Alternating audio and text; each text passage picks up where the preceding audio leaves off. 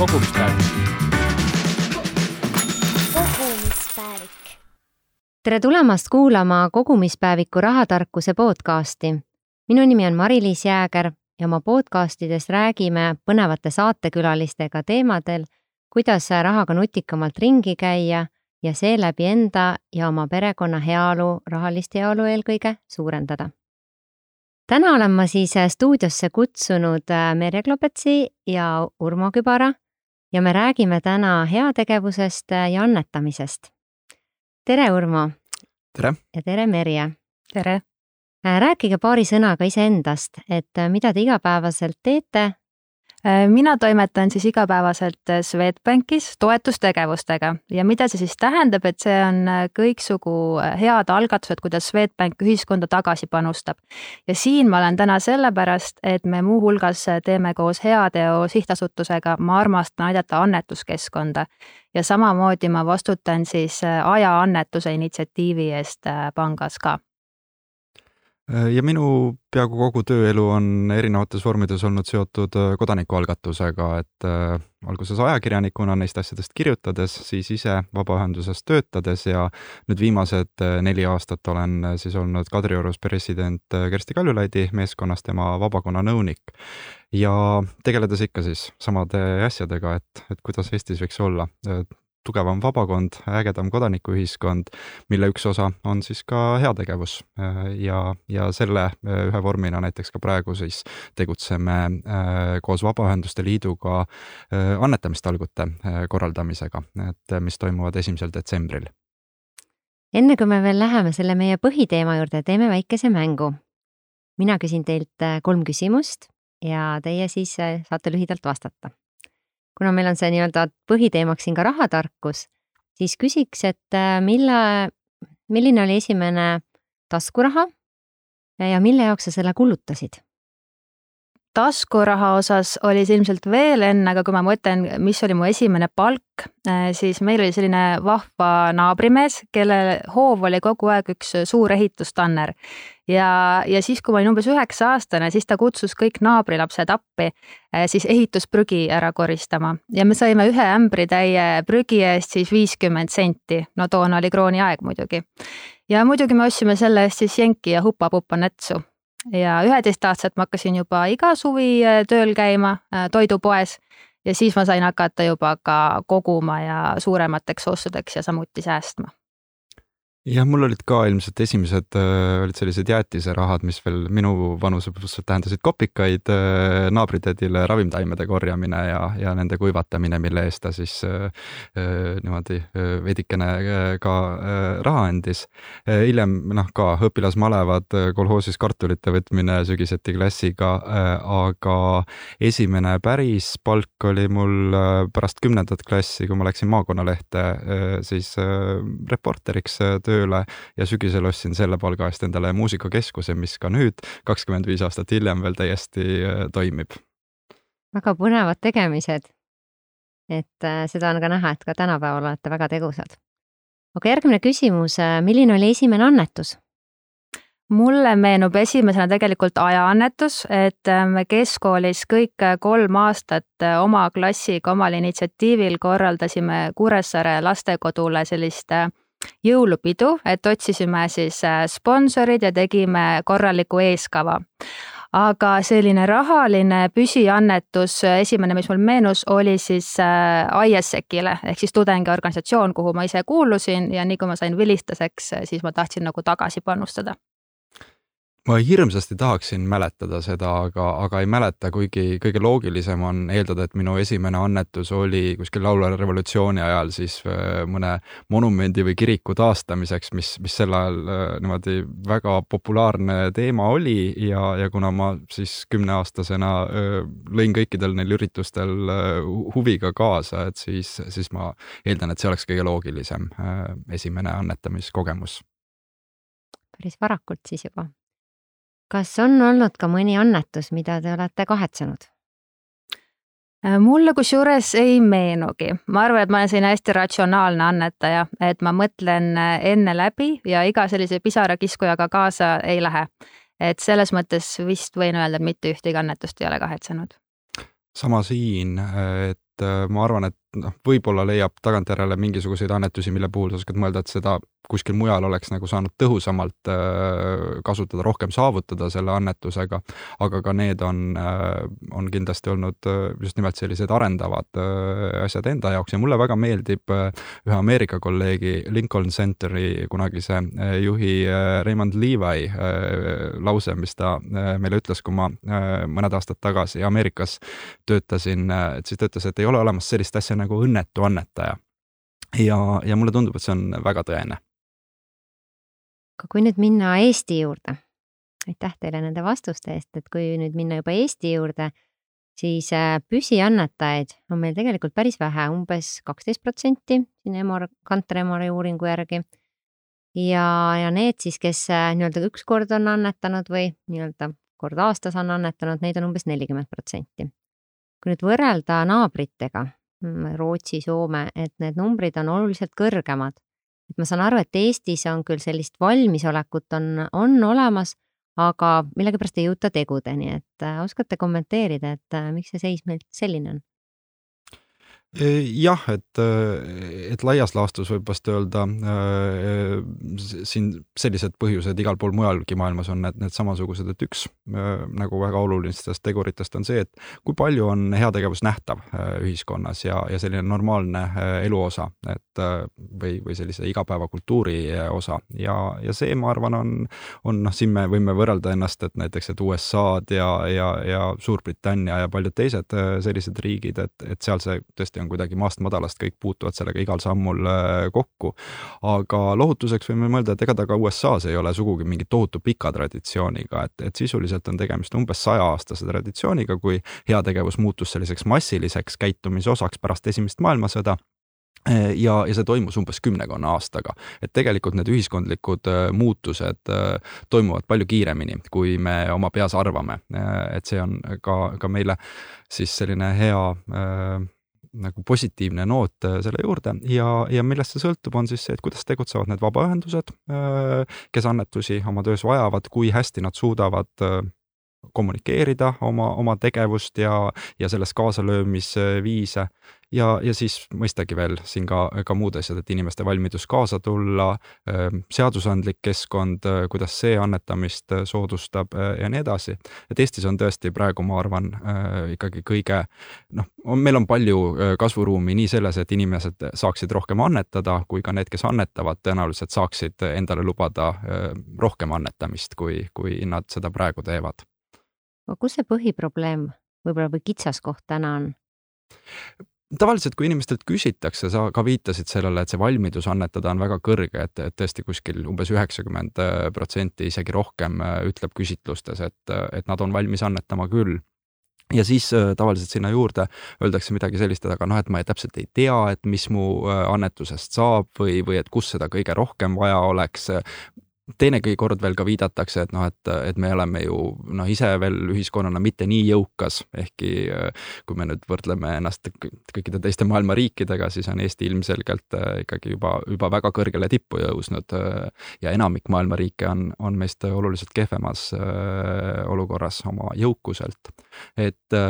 et niisugused, ma arvan, et see on rohkem peas kinni, et tegelikult on siin see soovitus tihtipeale nii, nagu sa võid trenniga leida hulgaliselt neid ettekäändeid, et miks veel mitte täna alustada, alustada, ehkki sa põhimõtteliselt tead, et jah, oleks tore hakata käima ja et kindlasti see mulle ka meeldiks, kui ma seal trennis käiksin, aga noh, täna on veel kiire, sellel nädalal on veel need ja muud asjad käsil, et ei tee. Ja siis sa lükkad seda muudkui edasi, et, et tegelikult äh, ma arvan, et annetamise osas tasuks samamoodi lihtsalt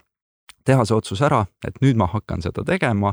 ja, ja, ja üritada seda teha võimalikult regulaarselt, sest äh, ega samamoodi nagu trennigi puhul, et ka annetamisel nagu selline tõeliselt äh, kasu ja, ja need positiivsed äh, tulemused hakkavad ilmnema siis, kui sa teed seda püsivalt ja õpid ise selle juures.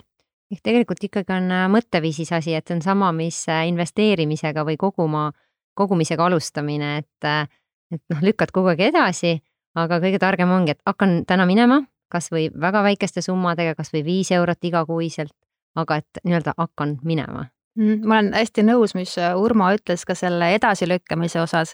et äh, mul oli just reedel sihuke tore vestlus ühe oma sõbraga, äh, kes on ka igati hästi majanduslikult toimetulev inimene ja rääkisime annetamisest ja, ja ma küsisin ka, et miks sa muidu praegu ise ei anneta ja ta ütleski, et no, et ma peaksin ikkagi siin nagu korteri remonti veel panustama ja, ja siis on nagu seda ja teist vaja osta ja nii edasi. et nagu nii lihtne on seda kogu aeg edasi lükata, nagu mitmeid teisi asju elus, nagu Urmo tõi trenniga näite, on ju. et tegelikult see on jah, selline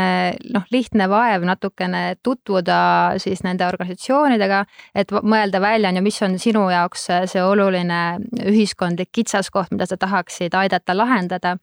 et, et mõnes mõttes ta on natukene selline kättevõtmise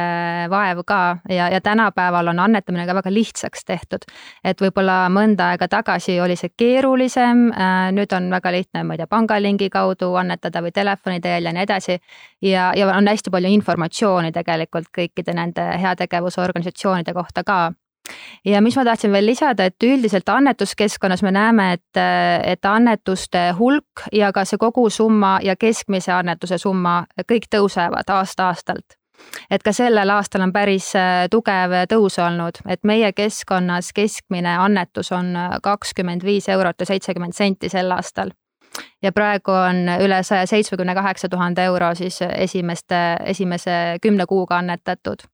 ja, ja kui vaadata, et kes see keskmine annetaja on, siis meie keskkonnas on see pigem naine, äh, isegi väga valdavalt äh, ja noorem naine, selline kakskümmend viis kuni kolmkümmend neli. Aga samas, kui vaadata meeste ja naiste annetusi kokku, siis summaliselt see tuleb sama, sest et äh, mehed annetavad üldiselt siis suuremaid summasid ma võingi siia veel kontekstist äh, lisada, et ka siis äh, mitte ainult teie annetuskeskkonnas, vaid ka tegelikult kogu Eesti peale see statistika samu asju näitab, et, et Eesti vabaühendustele annetatakse aastas siis nüüd eelmise aasta seisuga kaks tuhat üheksateist äh, umbes nelikümmend seitse miljonit eurot kokku, seal on nii ettevõtete kui, kui eraisikute annetused koos.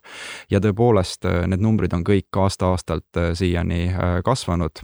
kasvab see summa, tasapisi kasvab ka organisatsioon, organisatsioonide hulk, kellele annetusi tehakse, see on praegu selline tuhande neljasaja, tuhande viiesaja vahel. Äh, Eestis äh, kasvab annetajate hulk eelkõige just üksikisikutest, annetajad veavad seda, seda kasvu, mitte siis ettevõtted, äh, mis on ka tasapisi, aga palju aeglasemas kasvutrendis olnud. ja, ja tõsi on ka see, et et kui mehi-naisi vaadata, et et, et laias laastus võib öelda, et naisi on annetajate seas nagu ütleme, kolmest annetajast kaks on naised ja üks mehed, aga, aga jah, et üks mees annetab umbes sama palju kui kaks naist kokku, et, et siin kasvõi kui eelmise aasta suurimaid annetusi vaadata huvi pärast, panin ritta siis Äh, on võimalik sealt nagu sugu ja vanust äh, vaadata et äh, top kahekümnes esimesed seitseteist olid meeste tehtud annetused ja siis kaheksateistkümnes, üheksateistkümnes koht olid, olid, olid naistelt. ka kuidas sina ise sinna maailma nii-öelda sattusid ja kuidas see kogu see annetamise asi ja heategevuse asi sinu elu igapäevaselt nagu mõjutab? Ma sattusin vabaühenduste kaudu, et, et kõigepealt tegelikult üsna juhuslikult, et ajakirjanikuna tõesti hakates äh, kirjutama vabaühendustest, äh, siis tehes seda üha rohkem, samal ajal käisin ülikoolis ja hakkasin ka siduma oma, oma ülikooli siis uurimustöid äh, selle teemaga. vana sa umbes olid siis? noh, ülikooli ajal kakskümmend, kakskümmend üks, et, et seal siis see, nagu ajakirjanikega teinekord juhtub, et mingi teema hakkab sind nii huvitama, et ühel hetkel sa ütled, et ei taha enam ainult kajastada, vaid tahaks juba ka ise olla päriselt see, tegutseda seal, ise luua neid asju. ja, ja ma töötasin kümmekond aastat Vabaühenduste Liidus, toona kandis see nime Eesti Mittetulundusühingute ja Sihtasutuste Liit ning seal saime panna alguse niisugustele asjadele nagu Teeme ära talgupäev ja arvamusfestival, rahvakogu, eh, igasuguseid muid eh, niisuguseid eh, asju. Ja, ja seal tegutsedes sa loomulikult ka mõtled kogu aeg, et mis need Eesti vabakonna sellised olulisemad pudelikaelad on, mida likvideerides saaks selline arenguhüpe toimuda. Ja, ja kui Vabaühenduste Liidus me võib-olla kõige rohkem keskendusime just sellisele seadusandlikule poolele, sellele, mis nagu riigi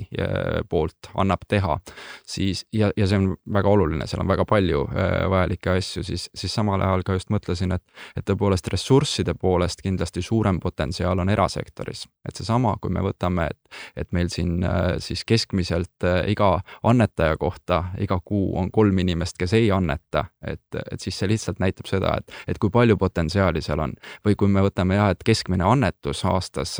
teie keskkonnas oli, eks ole, kakskümmend viis eurot ja sentidega, kogu Eesti peale on see umbes kolmkümmend eurot, on see mediaanannetus, noh, jagame selle kuu aja peale ära, siis see on kaks viiskümmend ühes kuus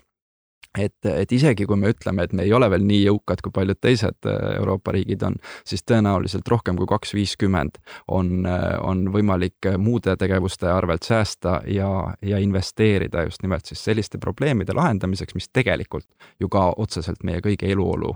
parandavad siin, siin ühiskonnas. et, et seega jah, see kasvupotentsiaal on, on suur ja väga põnev on tegeleda just nende küsimuste lahendamisega, kus sa näed, et saab, asjad saavad muutuda, kus see tööpõld on, on, on suur ja, ja sellepärast ma olen sinna juurde jäänud nii Eestis kui natukene siis ka Ameerikast äh, sellealaseid kogemusi hankides. Mm, ja Merje?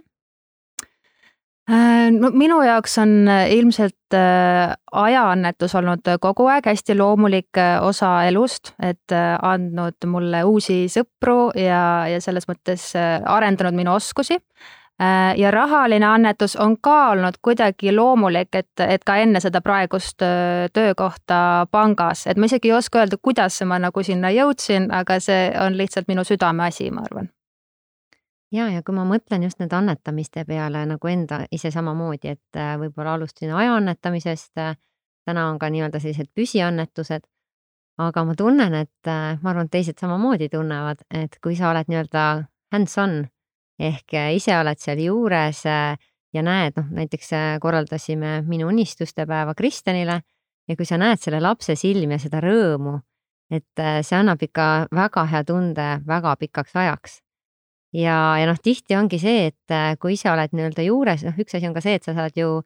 aega annetada selle mõttega, et hoopis strateegiliselt nõustada antud ettevõtteid või nii-öelda oma professionaalist, profes-, noh, tõesti tööst tulenevalt sa tead mingit äh, head nõu neile anda. aga et kui just teha sellist rahalist annetust, siis sa otse võib-olla ei tunne seda või sa ei näe neid inimesi täpselt, kes selle raha saab. et kuidas seda võib-olla enda peas nagu äh, muuta, seda mõtet? eks see ongi äh, tegelikult nii, nagu meie mõtted, kõik on, on meie enda suunata, et millest me nagu rõõmu ja rahulolu ammutame enda jaoks, et, et minu jaoks ja võib-olla siin ongi inimeseti erinev, et, et mind tõepoolest ka rohkemgi huvitavad, et, et ma pean olulisemaks, et kui mingi probleem õnnestuks ära lahendada ühiskonnas tervikuna, mitte ainult ühe inimese elus. see viimane on ka tähtis, aga kui oleks võimalik valida, et kummale keskenduda, siis, siis, siis see, see ühiskonnas tervikuna lahendamine oleks nagu see, kuhu ma rohkem soovitaksin ressurssi panna ja, ja tegelikult täpselt samamoodi saad sa sedasama rõõmu ja rahulolu oma tehtud tööst ammutada sellest, sellest, et, et kui sa näed, kuidas mingisugused äh, mured äh, lahenevad, mida näitavad statistika, mida näitab äh, selline see igapäevane elu ja, ja, ja seal avanev pilt su jaoks, et et jah, sedasi saad sa ise, ise suunata, aga, aga samas on see väga õige loomulikult, et, et kui olla, proovida selle vabaühenduse tegevusega rohkem kursis olla, kui ainult neile ülekannet tehes, aga tõepoolest ka osaleda nende üritustel, küsida, et kas on veel mingisuguseid kaasalöömisviise, et siis loomulikult saad sa sellest tegelikult põhjalikuma pildi ja, ja ilmselt ka palju suurema motivatsiooni äh, jätkata. ja kui me üldse hakkame nii-öelda annetama, et äh, väga palju sotsiaalmeedias on selliseid üleskutseid, et äh, ma ei tea, laps on haige või oleks vaja raha raviks, noh, erinevaid üleskutseid on et kuidas ma tegelikult ikkagi siis tean, et see raha läheb nagu õigesse kohta no äkki alustuseks tutvustad, kuidas mm -hmm. Ma armastan aidata keskkonda organisatsioonid valitakse, kuidas nende tausta kontrollitakse? ja et äh, noh, kui oli küsimus sellest, et kust leida ka seda organisatsiooni, siis äh, Ma armastan aidata annetuskeskkond on kindlasti selline põhiline koht, kus on nagu tõesti üle viiekümne heategevusorganisatsiooni meile praegu koondunud viies erinevas valdkonnas. Äh, see on siis lapsed, tervis haridus, tugev ühiskond ja loomad.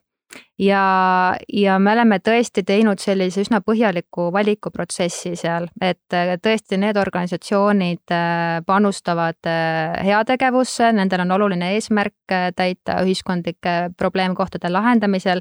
Nad on kõik liitunud annetamise hea tavaga ja, ja selles mõttes esitlevad ka oma majandusaasta aruandeid tihtipeale oma kodulehtedel, et kõik oleks nagu võimalik üle vaadata, on ju. et kasutavad tõesti nagu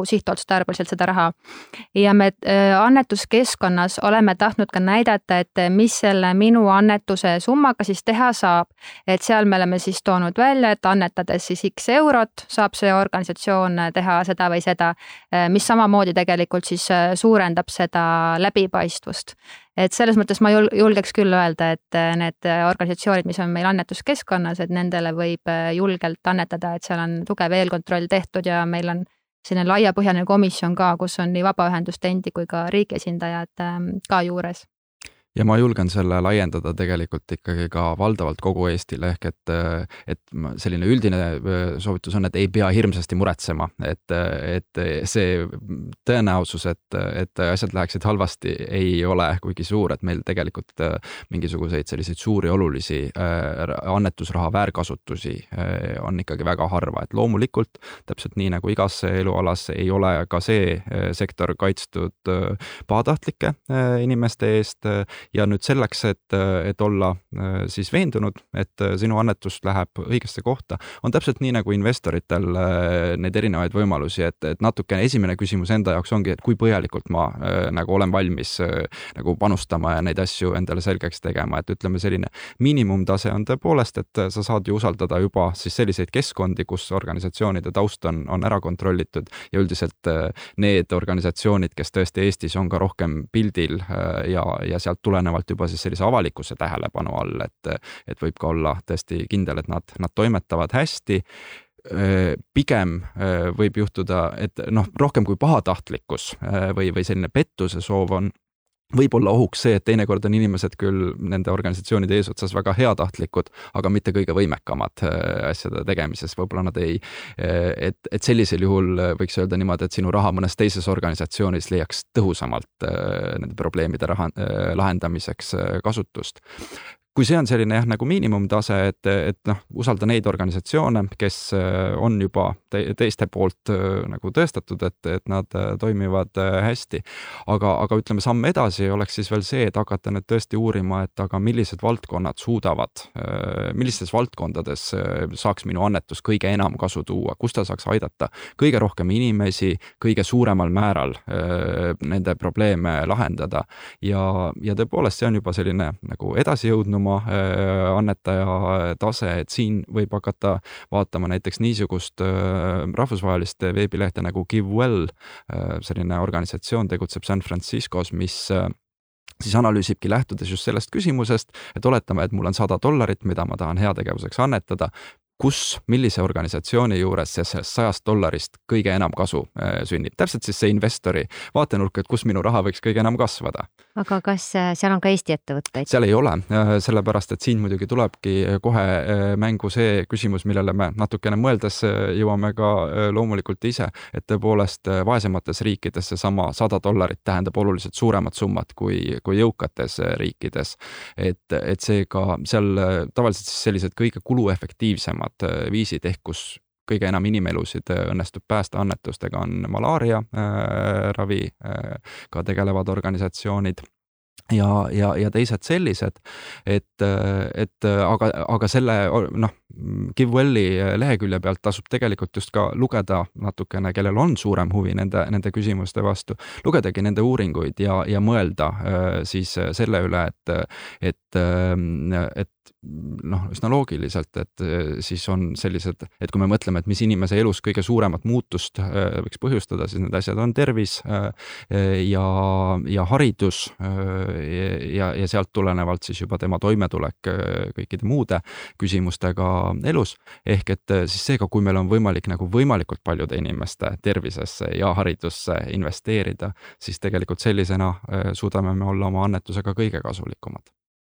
Kui väärkasutusest veel rääkida, siis ma arvan, et Eesti on nagu ka nii väike ja armas ühiskond, et siin tulevad need üsna kiiresti välja ka. ja pigem ma oleksin ettevaatlik selliste üksikute nagu Facebookis ringlevate annetuspalvetega, kui siis äh, selliste mm, vabaühendustega, mis meil tegelikult ennast juba tõestanud on. seda kindlasti, see on äh, sageli äh, kuskil interneti kommentaat-, kommentaarides või, või sellistes tänavavestlustes sa võid just nagu kuulda, et öeldakse, et noh, ma pigem annetan, et ma tahaksin teada, et kus on otse see abi abivaja ja, ja et siis ma annetaksin talle, aga et vot, et ma mingit organisatsiooni sinna vahele ei, ei, ei soovi äh, panna. et ja see on, on minu meelest nagu selline nõrk mõtteviis äh, mitmes äh, osas, et esiteks tõepoolest see turvalisuse küsimus, et, et võõra üksikisiku pangakontol toimuv on iga kell palju raskemini kontrollitav kui ühe siis organisatsiooni oma, mida kontrollivad esiteks ta liikmed, teiseks Maksuamet, kolmandaks probleemide trendide tekkides kindlasti äh, toimub sinna äh, siis ka selline, tõmbub avalik tähelepanu aga lisaks äh, ka ikkagi see, et, et organisatsioonis jällegi on sul võimalik tavaliselt äh, aidata olulisemalt rohkem inimesi, sest seal töötavadki need, kes on selle ala spetsialistid ja nii nagu me oma kodus, kui meil ei, äh, kui meil on, ma ei tea, torud katki või, või gaasiboiler vajab vahetamist või, või nii edasi, siis üldjuhul me usaldame, kutsume selleks spetsialisti appi, me ei pea ennast kõige paremaks spetsialistiks. et nii ei tasu meil ka arvata, et nendes veel hoopis olulisemates ja keerulisemates küsimustes, et kui katki on inimene, et, et siis meie teame kõige paremini, et mis abi talle täpselt vaja on, vaid ma usaldaksin ka siin ikkagi neid organisatsioone, kes on seda eriala õppinud, kes on kursis sellega, mis, mis seal valdkonnas toimub ja toetaksin neid, et nemad saaksid siis sellele abivajajale võimalikult palju kasu tuua. aga kui me võtamegi, et inimene ongi katki siis äh, esmapilgul tundub, et äh, kui ma nii-öelda pöördun, ma ei tea, läbi televisiooni ja palun abi, et siis kantakse kõik minu nii-öelda kontole, on ju. Äh, ma saan aru, et alternatiiv on see, et, et kui mul on abi vaja, siis ma pöördun mõne organisatsiooni poole, kes, kellelt ma võiks saada abi. aga, aga siin ongi see küsimus, et, et noh, nii-öelda sellise tavainimesena mõtlengi, et küsin otse inimestelt, siis võib-olla isegi koguneb rohkem raha. et ei lähe raha nii-öelda, ma ei tea, kogu ma ei tea, töötajaskonna ülalpidamiseks või seesama, nagu sa ütled, et kui juba on organisatsioon, et, et seal neid tegelikult kulusid on ka rohkem, et on vaja tõesti sellist ka juhti, kes seda suudaks juhtida, seda ettevõtet. et ma ei tea, kuidas mis annetaja seisukohalt võib jälle tähendada, et tegelikult minu annetus kasvab seal organisatsioonis äh, oluliselt kiiremini, sellepärast et seal on juht, kes suudab ka teisi annetusi äh, aidata sinna juurde koguda ja me saame kokkuvõttes jällegi selle probleemi lahendamiseks äh, oluliselt rohkem ära teha. siin tasub jah meeles pidada seda, et, äh, et enamasti ei ole probleemid, nagu kõige olulisemad probleemid vähemalt ei seisne selles, et kellelegi on vaja mingi asi osta et näiteks siin jõulude lähenedes me kindlasti hakkame jälle nägema sellist üleskutset, et noh, kuskil on, on mõni äh, laps, kellele võiks teha jõulukingituse. Et äh, ma arvan, et probleem ei ole selles, et, äh, et sellel lapsel on puidu, puudu näiteks uisud, vaid probleem on selles, et, et tema perekond mingil põhjusel ei, ei, ei suuda tagada seda, et, et sellel lapsel oleksid need vajalikud asjad olemas ja oleks võimalik näiteks, äkki ka kõht alati täis või, või niisugused asjad. ja vot nende lahendamine, et asjad ei lahenda tavaliselt probleeme, et meil on vaja selleks inimesi, kes töötaksid süvendatult selliste probleemide lahendamisega. ja see ongi siis tihtipeale see, mida, mida, millele pannakse külge see silt, et see on nüüd see organisatsiooni püsikulu ja see just nagu ei oleks siis see see abivajaja aitamine. tegelikult äh, ma arvan, see on pikas perspektiivis palju tõhusam ja olulisem äh, aitamine. aga kui ma mõtlen nüüd Eesti kontekstis, et mis, äh, kuidas ma siin hindan siis, et kui ma tahan tehagi mingit annetust, et mis on see mittetulundusühing, kus see kõige efektiivsemalt kasutust leiab? kas on ka kuidagi mingeid, ma ei tea, meetodeid välja mõeldud või, või noh, ma saan aru, esimene asi on, ma mõtlen tegelikult, mis mind üldse kõnetab, mis on minu jaoks oluline, aga et kui ma jällegi olen selline pigem efektiivne annetaja just, Mis ma just äh, mõtlen, et kas näiteks investoritele ka, et kui, kui ta läheks panka ja ütleks, et noh, et ma tahan kuhugi investeerida, et kas siis konsultant ütleb talle, et aga noh, mis see, mis teile südamelähedane on, et kuulake oma südame häält et äh, tavaliselt investor ilmselt sellise jutu peale hakkaks äh, nagu, tahaks, et ei, palun nüüd ikkagi natukene ratsionaalsemat lähenemist, et kus võiks see minu investeering kasvada. ja noh, seesama, et üks võimalik lähenemine on võtta selleks küsimuseks, et kus minu annetusest kõige enam kasu on. jätta kõrvale see, et noh, et kas mulle on südamelähedane see või teine teema äh,. Äh, aga, aga noh, et mõelda tõesti, et kus ma saaksin aidata võimalikult paljusid inimesi, võttes siis noh, jälle see eeldus natukene oleks siis siin see, et aga et inimelud üldiselt on võrdsed, et, et ei ole tähtis, et kas see äh, laps on tumeda peaga või heleda peaga, kes abi vajab äh,, kas ta näeb võib-olla natukene fotogeenilisem välja või mitte äh,, vaid, vaid et ta on inimene ja, ja sellega seoses on, on kõik inimelud võrdselt tähtsad äh,. ja samuti, eks ole, siis veidi vanemate puhul, kes enam ei ole lapsed. ja, ja siin sa saadki siis needsamad tervis äh,, haridus on, on kõige suurema mõjuga inimese heaolule, need, need kaks küsimust. võttes arvesse siin nüüd omakorda mõeldes siis, et noh, et mis meil on tagatud riigi poolt, et kui me, kui me just soovime Eestile keskenduda, et muu maailma kontekstis ju paljud asjad, mis meie jaoks on enesestmõistetavad, paljudes teistes riikides ei ole, aga Eestis siiski, eks ole, noh, põhiline arstiabi on meile tagatud meie maksurahast ja samamoodi kooliharidus, meie ühtluskool on, on, on väga heal tasemel, maailma parim. et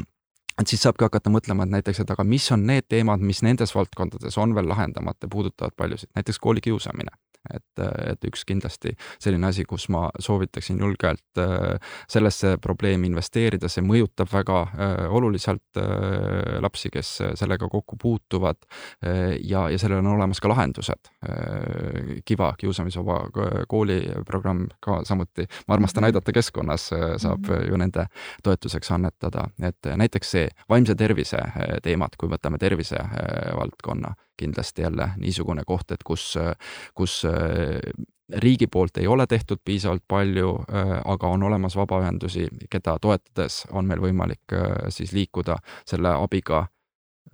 sinna, kus ta kõige suuremat mõju saab teha, need näiteks. aga üldiselt on nagu hästi raske panna pjedestaalile, et kui me võtame näiteks sada tuhat eurot, maksab näiteks üks vähiravim ja Kingitud Elu ju kogub siis vähihaigetele raha nende ravimite ostmiseks, mida Haigekassa ei kata, on ju. samal ajal saja tuhande euro eest me saame kiusamisvaba kooli programmi viia umbes kolmekümmend kolme kooli. nagu kuidas sa seda võrdled, on ju, et selles mõttes nagu lõpp, lõpuni siin nende mõõdikutega, ma arvan, minna ei saagi. ja hästi palju Eesti inimesed tegelikult annetavad ka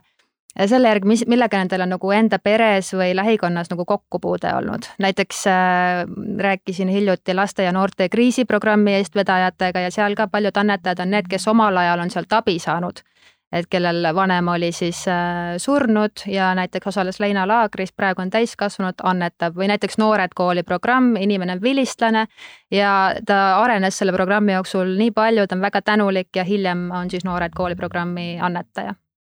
see on äh, üks ja, ja nõus, et äh, väga levinud äh, lähenemine, sest, sest tihtipeale isiklik kokkupuude probleemidega avab just ju meie silmad ja see tagab ka selle, et meil ongi suurem huvi, meil on suurem teadlikkus selle suhtes, aga see ei tähenda, et me peame kõik hädad ilmtingimata oma nahal ise läbi põdema, saamaks aru, et need on olulised ja, ja, ja neile, kes nende all kannatavad, väga-väga tähtsad. et,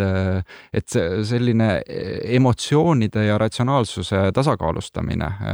ja ja kuidas leida see, et nad üksteist äh, nagu parimal viisil äh, toetaksid. et, äh, et võib-olla tõepoolest, kui kui kuidagi olla ainult ratsionaalne, siis võiks elu kujuneda selliseks halliks ja, ja, ja rõõmutuks, aga õppidagi nagu rõõmu leidma ka asjadest, mis on ratsionaalsed, oleks, ma arvan, selline investorilaadne mõtteviis ka annetamise puhul mm. -hmm, väga hästi öeldud kui me nüüd äh, mõtleme, et inimene, kes tahaks äh, hakata selle asjaga tegelema, hakata, alustab annetamisega, et mis need võib-olla kolm esimest sammu on, mida ta tegema peaks? Jah, no ühest me oleme üsna pikalt nüüd rääkinud valdkonna äh, Just, valikust, valdkond, et, et kus siis leida see koht, et mõ- mõelda jah läbi see, et kas su jaoks on tõesti oluline see, et, et sul on see olnud mingi isiklik kokkupuude sellega või, või rohkem see küsimus, et, et sõltumata, mis mulle on südamelähedane, ma tahan, et mu annetus aitaks võimalikult paljusid inimesi.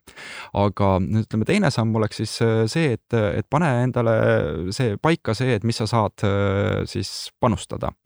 oma, oma need piirid, et et ja sama soovitus on jälle investeerimisega, et, et kas see on iga kuu mingi kindel summa, mis sul on võimalik äh, heategevuseks äh, eraldada, või on see näiteks protsent sissetulekust, mida, mida mina olen enda puhul äh, kasutanud, et, et kuna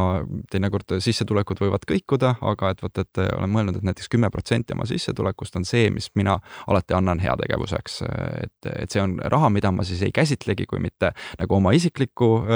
raha, vaid see on, on raha, mille ma annetan ära. et, et ja sellisel juhul, kui sa oled need piirid nagu paika pannud, sa muidugi saad neid alati ka, ka muuta, see on su enda, enda otsus, aga see muudab just nimelt selle alustamise lihtsamaks, selle edasilükkamise eh, lõpetab ära. et, et see oleks eh, siis, eh, ma arvan, see, see al, alustavale antav soovitus, et ära jää ootama lihtsalt juhuslikult, eks ole, et, et kes ja millal su teele satub, vaid ole ise aktiivne otsi üles see valdkond, kus sa suudad mõju teha ja, ja pane paika summa, millega sa suudad äh, panustada mina olen ka selline inimene, kes paneb oma sellist eelarvet äh, kirja ja jälgib oma kulutusi igakuiselt.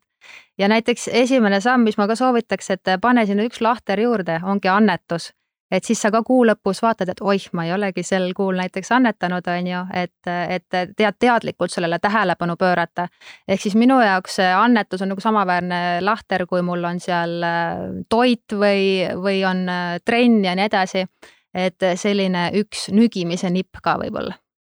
ja on palju viise, kuidas seda siis ka näiteks teha perekonda kaasavalt, et, et miks mittegi, et kas me siis mingi aja tagant otsustame, et, et kogume seda raha näiteks, mis me paneme kõrvale ja siis otsustame perega koos, et kuhu see äh, läheb.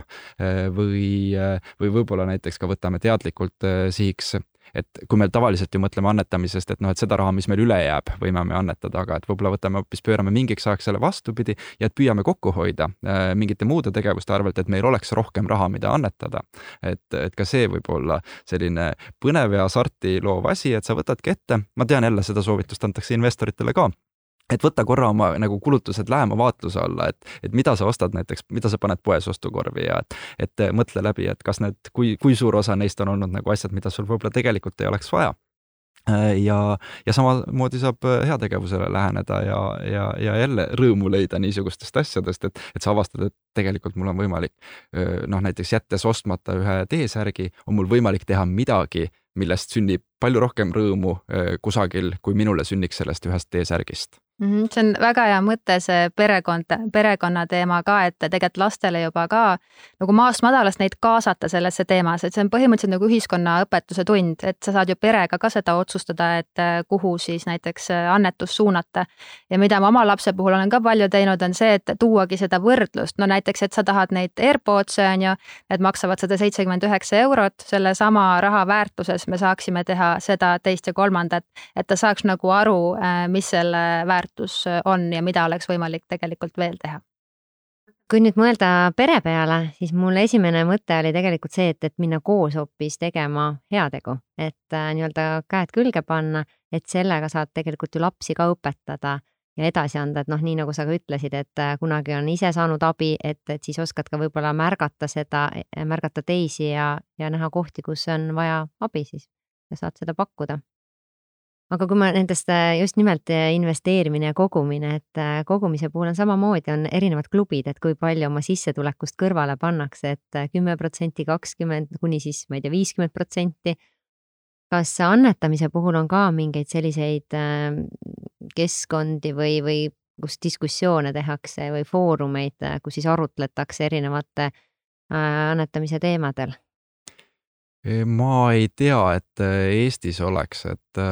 et kohe muidugi meenub, aga noh, kui klubidest rääkida, siis üsna kõrge lävendiga klubi USA-s on Giving Pledge, mis on siis selline miljardäride seltskond, kes siis on andnud lubaduse, et oma eluajal annetada vähemalt pool oma varandusest heategevuseks. aga, aga sellest jah, et, et on olemas selline seltskond nagu annetuse kogujate võrgustik, kes käib koos siis Vabaühenduste Liidu juures ja, ja ka annetamistalgute juures on siis nemad sellised põhikorraldajad, et, et seal kindlasti arutatakse väga palju just siis annetuse koguja perspektiivist, et, et vahetatakse kogemusi ja räägitakse, aga ma tõepoolest ei tea, et et annetajatel oleks niisuguseid klubisid, et see, kuna jällegi see tegelikult see mõtteviis on investorite omaga väga sarnane, siis mul on olnudki just hea meel näha, et, et sellistel üritustel nagu investeerimisfestival või, või, või, või muud niisugused just investorite kogukondades on, on seda teemat arutlusel. nii et võib-olla sealt kasvab veel midagi püsivamatki välja tegelikult annetamisest võiks jah rohkem rääkida, et ma arvan, Eesti inimesed on sellised äh, tagasihoidlikud, et ei taha nagu kuidagi kiidelda, et näed, ma nüüd igakuiselt äh, näiteks siis kümme protsenti annetan oma sissetulekust. aga no miks mitte ei võiks see olla selline tore õhtusöögivestluse teema ka sõpruskonna ringis, et tegelikult äh, võivad inimesed saada nagu häid ideid üksteiselt, et absoluutselt, et, äh, et jah, see, et äh, kiitlemine, et noh, kui me käime vaatamas toredat teatrietendust või lähme sööma kuhugi heasse restorani ja siis ütleme sõpradele, et selline tore teatrietendus on kuskil või selline tore restoran on, siis see ei ole ju mitte kiitlemine, vaid see on see, et ka nemad saaksid äh, Kogemuse osa sellest, sellest suurepärasest asjast, mida me oleme avastanud. annetamisega on sama lugu, et, et tuleme tagasi korra, mis ma alguses ütlesin, et ei ole olemas niisugust asja nagu õnnetu annetaja. seega, kui sa ei räägi öö, oma, oma annetamiskogemusest, kogemusest, sa ei kutsu üles oma sõpru annetama, siis sa jätad neid ilma suurepärasest võimalusest äh, teha midagi kasulikku, olla õnnelikum, olla selle läbi ka tervem, elada kauem ja sisukamalt. just, et tegelikult on ju teisele rõõmu tegemine veel suurem rõõm. aga äh, mõtleme veel korra nende peale, kes siis äh, tahaks ise, tunneb, et tal on mingi murekoht, mida ta tahaks äh, lahendada või, või mingi abivajaja, et äh, kui tal endal nii-öelda seda toetust on vaja, et kuhu tema võiks siis äh, pöörduda, mis need, see esimene koht on? no olenevalt, mis ta mure on, no näiteks kohalik omavalitsus, kui see puudutab sellist äh, keerukat äh, nagu rahalist seisukorda ja et on vaja näiteks toiduabi, et äh, paljud organisatsioonid saavad ikkagi kohaliku omavalitsuse käest need abivajajad teada või kui see on mingi tervisemure, siis on ka tegelikult erinevaid äh, ühinguid, näiteks diabeediühing äh, koondabki neid, kellel on diabeet, on ju, et, et sealt saab jälle abi ja kogemusi jagada. et ühesõnaga oleneb väga sellest murest, aga üldiselt on alati olemas äh, kogukonnad, kes tegelikult toetavad üksteist selles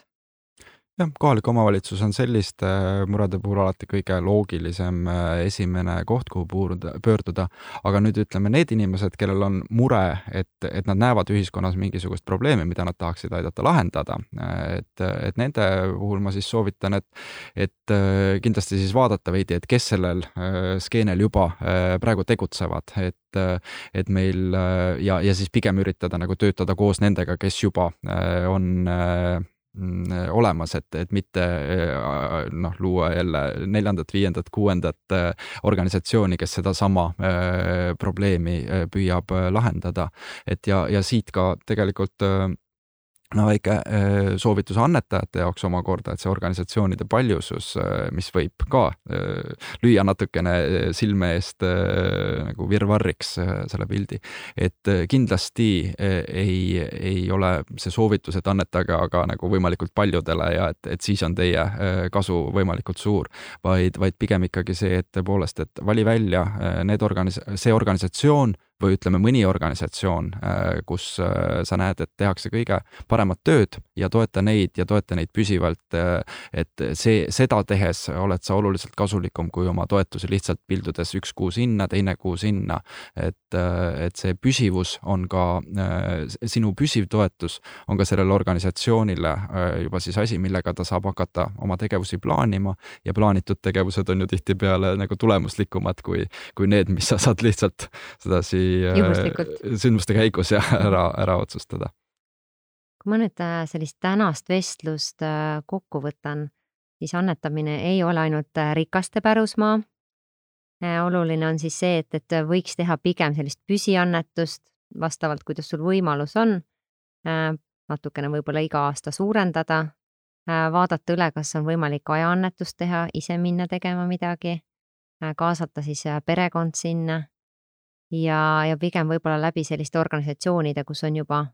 kindlaks juba tehtud, et tegemist usaldusväärsete inimestega ja see raha kasutatakse sihipäraselt. Ja see mõtteviisi küsimus, et, et see võiks olla nii nagu, et säästan seda raha või investeerin äh, või siis kulutan toidule, et üks siis võiks see annetuse pool seal olla, et mitte ainult nagu jõuluajal seda teha, mis on ka väga tore, ka ühekordne annetus on abiks, aga organisatsioonidele just sellise jätkuva ja et nad saaksid pikalt tegutseda ja sihipäraselt äh, tööd teha, et siis oleks selline püsiannetus äh, suureks abiks no just, sest ega ju see nagu püsiv tegutsemine mitte ei ole eesmärk, meil ei ole eesmärk neid organisatsioone kuidagi elus hoida, vaid küsimus on see, et probleemid saaksid lahendatud mm. -hmm. ja enamasti tõsisemad probleemid on niisugused, mida paraku ei ole võimalik lihtsalt ühe sellise hoogtööpäevaga äh, ära lahendada või, või, või tõesti mingi ühe eseme ostmisega äh, ära lahendada, vaid, vaid need nõuavadki püsivat järjekindlat tööd ja, ja on äh, organisatsioone, kes oma valdkonnas on ka tõestanud ennast, et nad teevad seda tööd hästi ja neid tasub toetada ja üks hea võimalus tegelikult siis Eesti annetamise maastikuga lähemalt tutvust teha on nüüd kohe annetamistalgud esimesel detsembril. et äh, ma võin rääkida sellest, mis me Ma armastan aidata keskkonnas teeme ja Urmo saab ilmselt laiemalt rääkida, et need nüüd teist aastat Eestis toimuvad mustale reedele vastukaaluks et kus kõik äh, siis palju raha kulutavad, et, et pigem siis tegelikult selle rahaga midagi kasulikku teha. Äh, ja esimesel detsembril äh, me aitame siis kasvatada annetuse mõju meie annetuskeskkonnas, ehk siis mida rohkem annetajad annetavad, seda rohkem paneb Swedbank ka raha juurde. et kui saab kümme tuhat eurot täis, siis me lisame kümme tuhat, kui kakskümmend tuhat, siis kakskümmend tuhat ja kui kolmkümmend tuhat või enam, siis Swedbank lisab ka omalt poolt kolmkümmend tuhat eurot siis siin võivad jälle, ma arvan, et kes äh, nagu investori mõtteviisiga inimesed meid siin kuulavad, võivad mõelda, et kus nagu, äh, et kui, kui tõhus on, on sellel päeval äh, selle keskkonna kaudu annetada, sest su annetus lihtsalt võimendub nii palju. ja, ja tõepoolest www.annetamistalgud.ee on, on see koht, kust igaüks saab siis vaadata, tutvuda talgukaardiga, praegu see täieneb, veel uusi organisatsioone lisandub, kes siis esimesel detsembril või päev paar siia-sinna seal ümber, võtavad ette mingisuguseid tegevusi, et siis kas oma uusi annetajaid leida või oma olemasolevate annetajatega kuidagi seda sidet tugevdada või mõlemat. ja, ja siin on jah, kaks suunda, et ühest küljest me siis püüame olla toeks neile organisatsioonidele, kes võiksid oma annetuste kogumise töös siis uuele eh, tasemele jõuda, et innustame neid just proovima mingisuguseid uusi asju eh, ja, ja, ja katsetama midagi või, või lihtsalt pöörama tähelepanu millegi jälle võib-olla igapäevategevuste vahel kipub see nagu libisema natukene kõrvale. ja teisest küljest siis nende jaoks, kes juba annetavad või siis veel ei ole annetamas, aga et nende jaoks on, on see niisugune hea koht, kus, kus vaadata, et, et korra, eks see heategevusmaastik äh, nagu avaneb äh, su ees kaardi kujul, et millega tegeletakse, mis organisatsioonid on, mida nad teevad ja kus ma saaksin äh, kaasa lüüa, et, et see on selline heategevus nagu pidupäev kui palju seal umbes ettevõtteid praegu nii-öelda kirja pannud on? eelmisel aastal äh, oli meil siis sada üksteist äh, sellist erinevat kohta, kus äh, annetamistalgud toimusid. tänavu läheneme ka sellele numbrile ja kindlasti ta kasvab veel suuremakski. aga väga lahe, ma loodan, et see kenasti õnnestub ja, ja ka need, kes võib-olla veel ei ole alustanud annetamisega, just sellel päeval teevad algust igal juhul tänan teid äh, siia tulemast ja sellel teemal rääkimast ja kõik äh, need, kes siis äh, kuulasid ja vaatasid meie podcasti, et kui teid see teema kõnetas, jagage kindlasti oma sõpradega ja võite kuulata ka teisi kogumispäeviku rahatarkuse podcast'e. ja siis juba uute teemadeni ja kohtumisteni. aitäh kõigile! aitäh! tänan!